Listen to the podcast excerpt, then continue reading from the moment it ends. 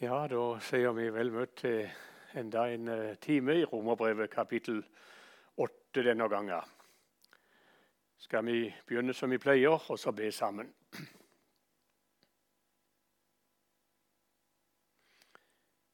I Jesu navn går vi til bords og spiser, drikke av ditt ord. Deg, Gud, til ære og oss til gavn, så får vi mat i Jesu navn. Amen. Vi skal i dag lese sammen uh, først fra kapittel 8, og vi hadde sist gang også vers 17, men vi tar med vers 17 og leser også denne gang. Da leser vi fra vers 17 til og med vers 25 nå. Men er vi barn, da er vi også arvinger. Vi er Guds arvinger og Kristi medarvinger.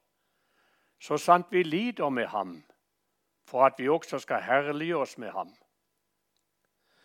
For jeg er overbevist om at den nåværende tids lidelser ikke får noe å regne mot den herlighet som skal åpenbares på oss. For skapningen venter og lengter etter at Guds barn skal bli åpenbares. Skapningen ble jo lagt under forgjengelighet. Ikke frivillig, men etter Hans vilje, som la den under forgjengelighet. I håp om at også skapningen skal bli frigjort fra trelldommen under forgjengeligheten og nå fram til Guds barns frihet i herligheten. For vi vet at hele skapningen til denne stund sukker sammen og stønner sammen som i veer. Ja, ikke bare det. Men også vi som har fått Ånden som førstegrøde, også vi sukker med oss selv, mens vi lengter etter vårt barnekår, vårt legemes forløsning. For i håp er vi frelst, men et håp som en kan se, er ikke lenger noe håp. Hvorfor skulle en håpe på det en allerede ser? Men dersom vi håper på det vi ikke ser, da lengter vi etter det med tålmodighet. Vi nevnte fra vers 17 sist dette er vi barn, altså Guds barn, så er vi også Guds arvinger og Kristi medarvinger, altså til det fullkomne Guds rike. Men så kommer det ei setning som vi nevnte, så sant vi lider med ham. For at vi også skal herliggjøres med ham. Nå må vi skynde oss å si med en gang at den lidelsen som Gud, som Gud så taler om her for Guds barn, det har ingenting med det at vi skal lide for vår synders skyld. Guds straff på grunn av vår synd. Nei, den har Jesus tatt 100% på seg. Så her er ikke snakk om å lide pga. at vi er sånn og sånn og har gjort sånn og sånn, og, og pga. våre synder. Langt derifra. Men her er snakk om det at Guds barn har fått Jesus inn i hjertet. Vi har snakket om et annet sinn. Guds ånd har tatt bolig der inne. Og da, mens vi er her i verden,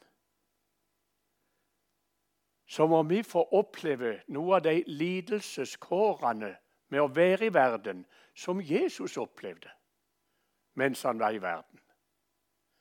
Vi venter på barnekåret og selve det å skal innta det fullkomne Guds rike. Men Gud forbereder oss på her i verden så må du ta del i en del lidelser. Én ting er de lidelsene som hører med til det å være et menneske i denne verden, som også alle andre må få del i. Det hører også med. Men her er det ikke minst snakk om de lidelsene som vi får i verden just fordi at Jesus sin, Jesus bor med troen i vårt hjerte. Vi nevnte vel også litt sist om hva det kunne være for noe. Altså Jesus, når han kom til denne verden for å frelse denne verden. Han kom til sitt eget, men hans egne tok ikke imot ham, f.eks. De skjønte seg ikke på han. Så vel lenge han kunne helbrede de syke og hjelpe dem med mat, 5000 i ørkenen han kunne samle, så samles de om han og vil gjøre han til konge. Men når han kom med det egentlig han kom for, selve evangeliet om sin lidelse og død, og hva de trengte for noe av det, så heter det han kom til sitt eget, og hans egne tok ikke imot ham. Og det var en fryktelig lidelse for Jesus. Det endte med at han satt utenfor Jerusalem og gråt over byen. Han ville så gjerne gi dem noe for hele evigheten. Men de jakte ikke på det.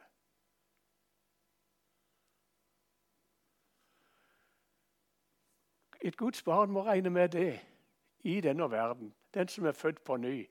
Du blir ikke forstått i denne verden. Verden skjønner seg ikke på det. Du har en, Vi snakket om en åndens attrå, som er liv og fred her en time tidligere. Du har fått noe i det som denne verden ikke skjønner noe av.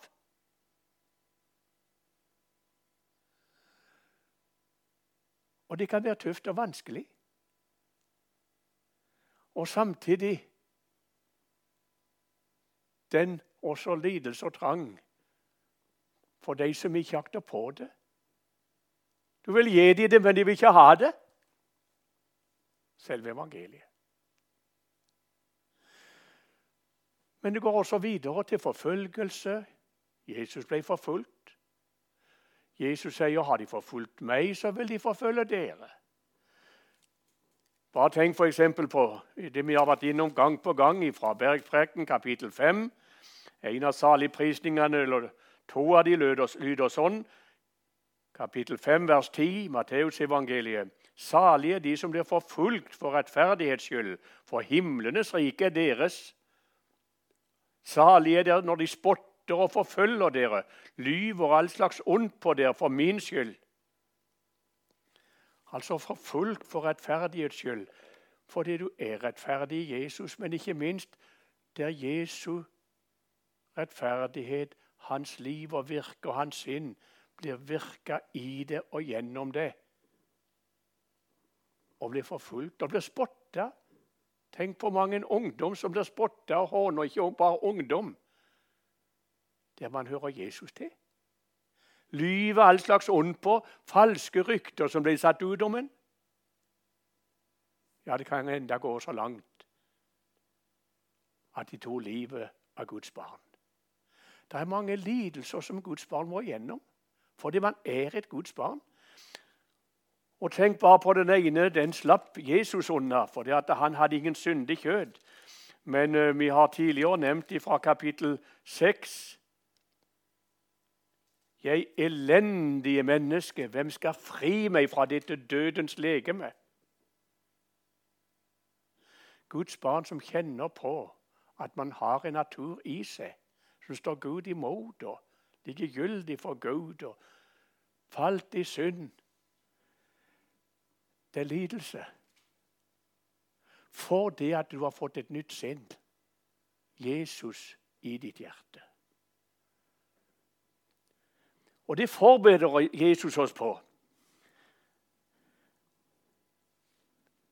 Men så kommer han også i de neste versene med så mye trøst til Guds barn i denne verden mens man er i lidelseskår, før man er frelst hjemme hos Gud. Og det er den trøsten vi nå skal se videre på. Det før Vi begynner sånn i vers 18. For jeg er overbevist om at den nåværende tids lidelser ikke får noe å regne mot den herlighet som skal åpenbares på oss. Det første jeg vil si, det vi må ikke stoppe der midt i setninga og sier som så at jeg er overbevist om at den nåværende tids lidelse ikke får noe å regne. Punktum. Nei, det står ikke sånn. Det er kjempetøft. Og Guds barn kan få oppleve det kjempetøft i denne verden. Jeg har møtt mennesker i den dypeste nød i anfektelse og kamp med tanke på hva som bor i dem. Du kan møte mennesker som blir spotta og forfulgt. Du kan møte mennesker som blir lyver all slags vondt på, osv., osv. Og I tillegg så hører også de andre ting som også alle andre mennesker må få del i, som hører til lidelse i denne verden. Så vi skal ikke si at det ikke er noe å regne, for det er kjempetøft for den som opplever det. Men det der står her er Jeg er overbevist om at den nåværende tids lidelser ikke får noe å regne mot den herlighet som skal åpenbares på oss. Den overbevisningen hadde Gud selv lagt ned i Paulus sitt hjerte. Den overbevisning vil han også at du skal få del i. Sett i forhold til den herlighet som Gud har i vente for sitt folk i det fullkomne Guds rike, like inn i evigheten, da er, ser vi den som måtte lide mest her i verden. Da taler Guds ord om at det ikke er noe å regne i forhold til den herlighet som skal åpenbares. Tenk bare på det som vi hørte om i kapittel 5 eh, det har vi hørt om virkningene fra Adam og virkningene fra Jesus. Hvis vi går til vers 17.: For om døden kom til å herske ved denne ene fordi denne ene falt, hvor mye mer skal da de som mottar nådens og rettferdighetsgavens overstrømmende rikdom, leve og herske ved den ene Jesus Kristus? Jo, virkningene fra Adam var så uendelig store. Men virkningene fra Jesus er langt, langt, langt, langt større. Det er ikke bare sånn at de så vidt opphever eller skal jeg si for noe, ja, opphever virkningene fra Adam, men det gir så langt, langt mer i tillegg. Så det fullkomne Guds rike, og den trøsten trenger du. I lys av det så skal vi få eie den overbevisningen. Jeg er overbevist om at den nåværende tids lidelser ikke får noe å regne mot den herlighet som skal åpenbares på oss. Og Så kommer det neste avsnitt. Da er det tale om skapningen. Hva er skapningen for noe? Det er Guds skaperverk, kan vi si, unntatt mennesket og englene. Men alt det andre som Gud har skapt. Den jord, hele universet. Skal vi høre. For skapningen venter og lengter etter at Guds barn skal åpenbares. Skapningen ble jo lagt under forgjengelighet. Ikke frivillig, men etter hans vilje som la den under forgjengelighet. I håp om at også skapningen skal bli frigjort fra trelldommen under forgjengeligheten og nå fram til Guds barns frihet i herligheten. For vi vet at hele skapningen til denne stund sukker sammen og stønner sammen som i veer. Ja, ikke bare det, men også vi som har fått Ånden som førstegrøde, også vi sukker med oss selv mens vi lengter etter vårt barnekår, vårt legemes forløsning. Hva er det med skaperverket? Da står det at den ble lagt under forgjengelighet. Det var ikke frivillig, men det var Gud som la den under forgjengelighet. Da Adam og Eva hadde syndet der i haven En av de fruktene som kom ut av det, var det at Gud sa til Adam og talte om at jorda skal være forbanna for de skyld. Hva var det som Gud hadde skapt? Han så at alt var såre godt. Han ville bo sammen med mennesket på denne jord. Gud selv. Skapt menneske. Her ville Gud bo sammen med dem. Men så kom så syndet mennesket. Og da ble selskaperverket lagt inn under forgjengelighet. Det vil si under at det, at det, det må forgå.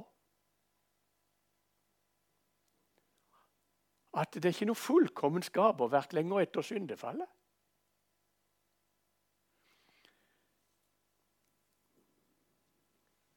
Det står her til og med om at i håp om at skapningen skal bli frigjort fra trelldommen under forgjengelighet og nå fram til Guds barns frihet i herlighet.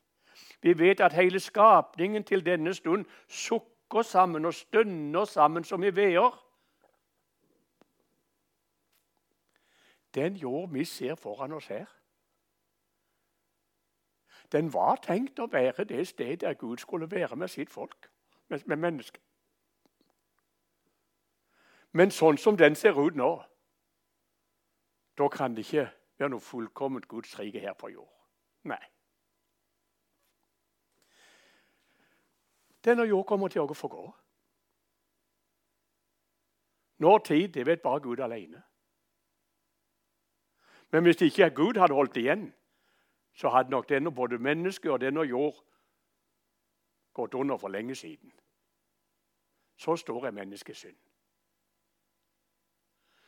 Vi spør av og til nå i de klimatidene om hva som er menneskeskapt av klima osv. Nå skal ikke gå inn på de tingene sånn enkeltvis. Men én ting kan vi si. At alt som er ødelagt denne, på denne jord, det er menneskeskapt. Det vil si som en følge av Adams fall. Tenk på alle katastrofer som er i, i, i, i, i eh, dette skaperverket. Det er lagt under forgjengelighet. Og, og så sukker det som i veer.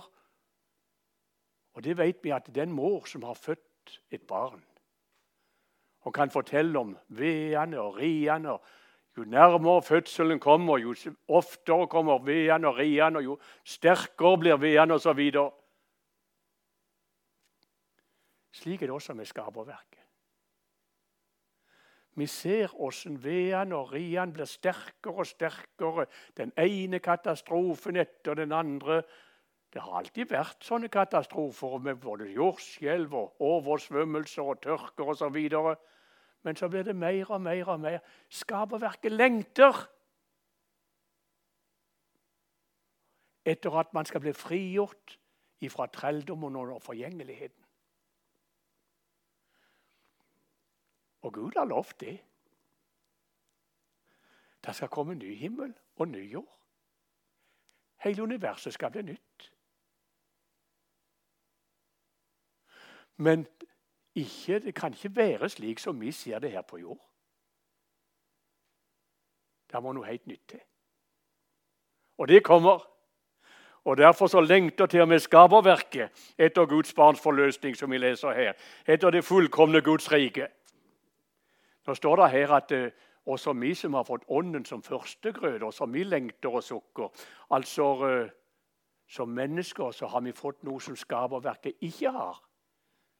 Vi har fått Den hellige ånd. Den som er født på ny og født av Gud, har fått Den hellige ånd inn i hjertet. Man har fått første utbetaling for det evige livet. Man har fått smak på noe av samfunnet med Jesus. Og man har også den, fått den at det kommer noe mer. Det har ikke skaperverket. Og Allikevel så ligger det en lengsel i skaperverket etter en dag skal bli forløst ifra fruktene av Adams fall. Og en dag så står det der. Det er jo som legeme som lagt i jorda, vårt legeme, når vi dør. Men Gud sier av det legemet så skal det framstå et nytt herlighetslegeme. Av denne jord som skal forgå, så skal det framstå en ny jord. Og, og der er allting fullkomment. Og der er det aldri lenger mulighet for å ødelegge noe som helst. Sånn som det gikk første gang. Da er den muligheten borte. Er dette noe trøst for Guds barn? Ja. For det første skal du ha den trøst at når vi ser på dette skaperverket, så skal vi ha den trøst at så lenge du ser et skaperverk som er under forgjengelighet, så kan ikke du vente noe paradis her på jord. Også du får kjenne lidelsen i denne verden. Og Samtidig skal du også se Men når vi ser på dette skaperverket, skal vi minnes at eh, Gud hadde skapt en dag, og han skal nå sitt mål. Det kommer noe nytt ut når denne jord forgår. Det er trøst for Guds barn. Man deler liksom kår, eller skaperverket deler noe av kårene med det falne mennesket. Men begge sammen, begge to, så lengter vi etter det som skal komme. Og Her sto det altså ikke bare det, men også vi som har fått Ånden som førstegrøde. Også vi sukker med oss selv mens vi lengter etter vårt barnekår, vårt legemes forløsning. Det er trøst til Guds barn i lidelseskår i denne verden. Og så kommer det neste, i vers 24. For i håp er vi frelst, men et håp som en kan se, er ikke lenger noe håp. Hvorfor skulle en håpe på det en allerede ser? Men dersom vi håper på det vi ikke ser, da lengter vi etter det med tålmodighet. Du skal legge merke til at det står i håpet så er vi frelst. Frelst betyr her å ha nådd det fullkomne Guds rike. Ikke bare det å bli en kristen, men det å ha nådd helt hjem.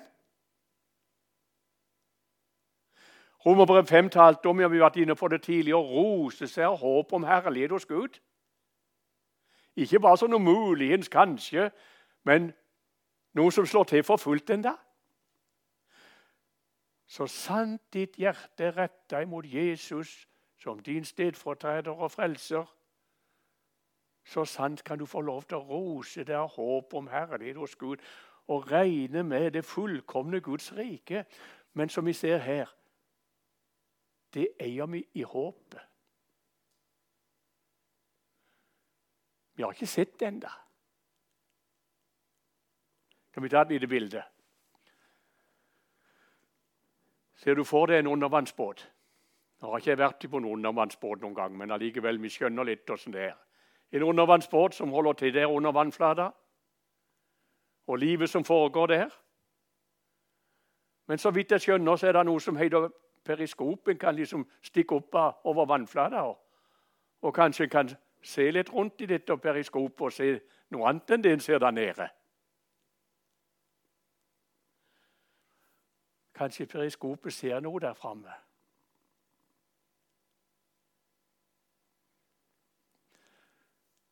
Skal vi ta det som et bilde på håpet?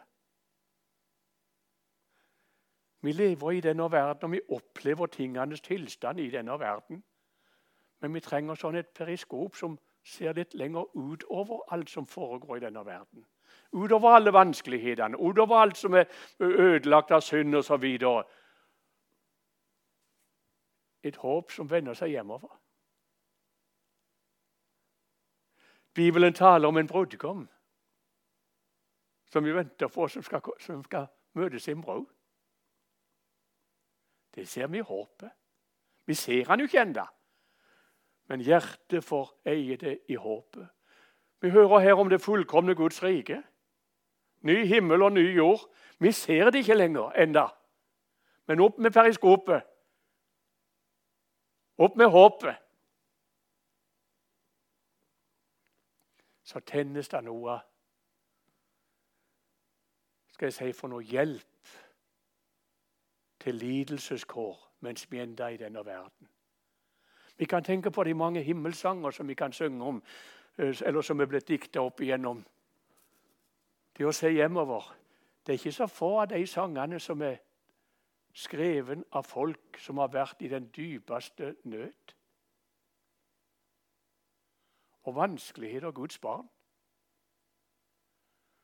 Så var det liksom periskopet, eller så var det håpet som begynte å vende sinn og tanker hjemover til de som skal komme.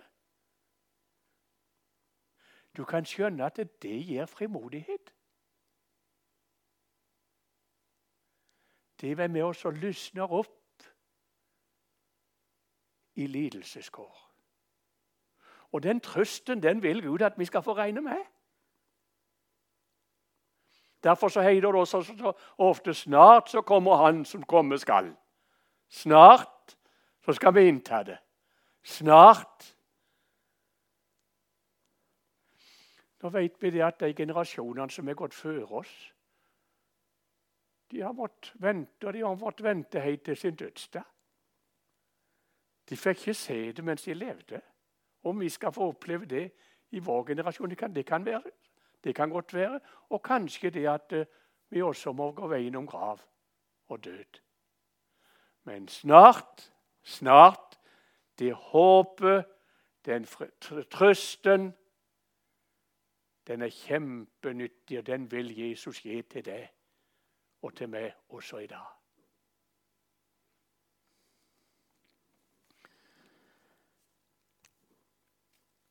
Og så kommer vi Vi tar enda litt til med oss denne timen. I vers 26 og 27.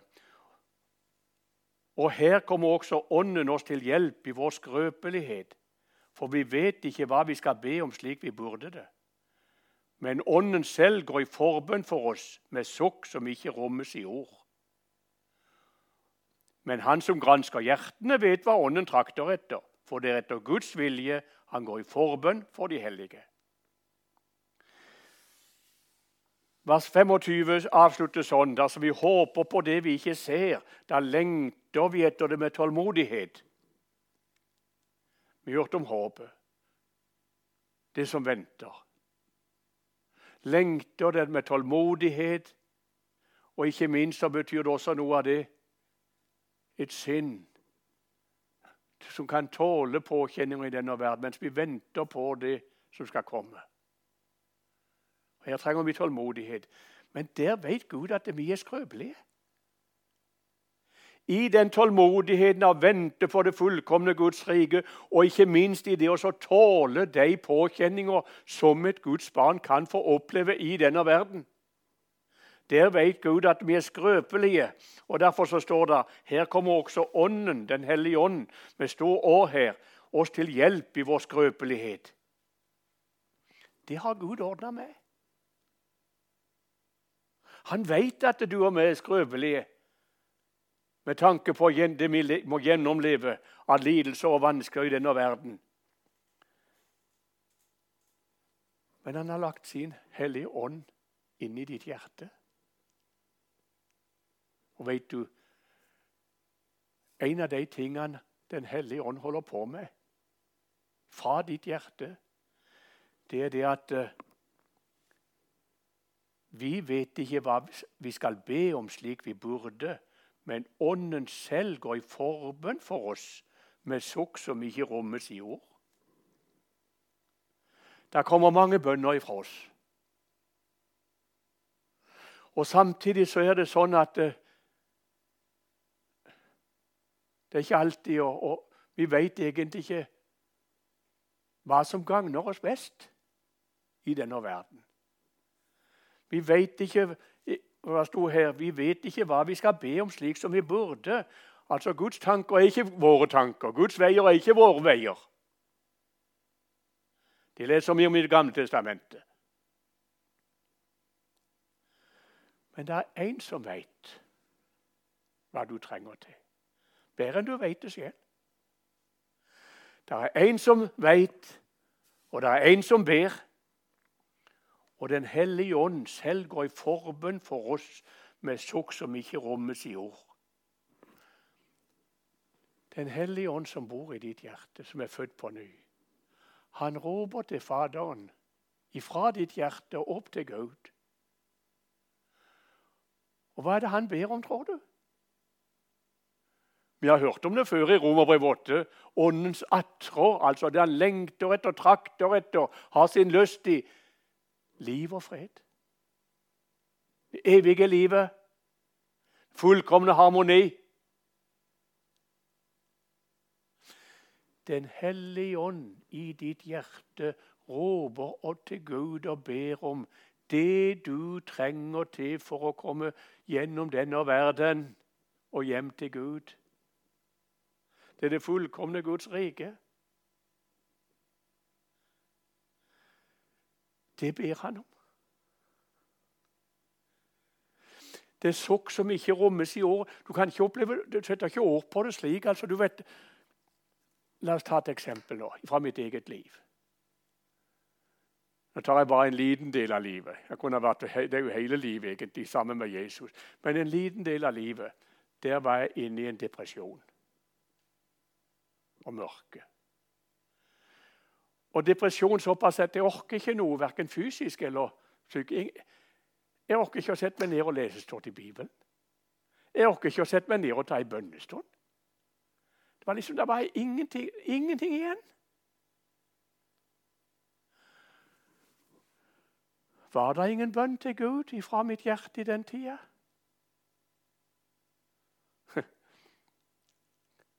Jeg tror kanskje det var mer enn noen gang før.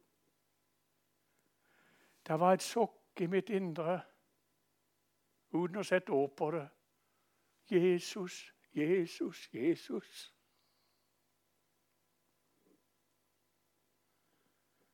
Ja. Et sokk natt og dag. Den hellige ånd som råper fra vårt hjerte. Og det sto her 'Han som gransker hjertene'. Han vet hva ånden trakter etter. Gud hørte alle de sukk. Gud hørte alle de Og han satte navn på det. Han visste hva ånden sukk etter. Slik kan man oppleve Den hellige ånd som sukker ifra vårt hjerte, roper til Gud, og Faderen skjønner hvert et ord. Men du kanskje ikke orker i gang og be i bønn. Ånden går i forveien for det. Og han ber om det du trenger, og Faderen hører, og som vi skal komme til i neste time. Og Faderen svarer. Amen.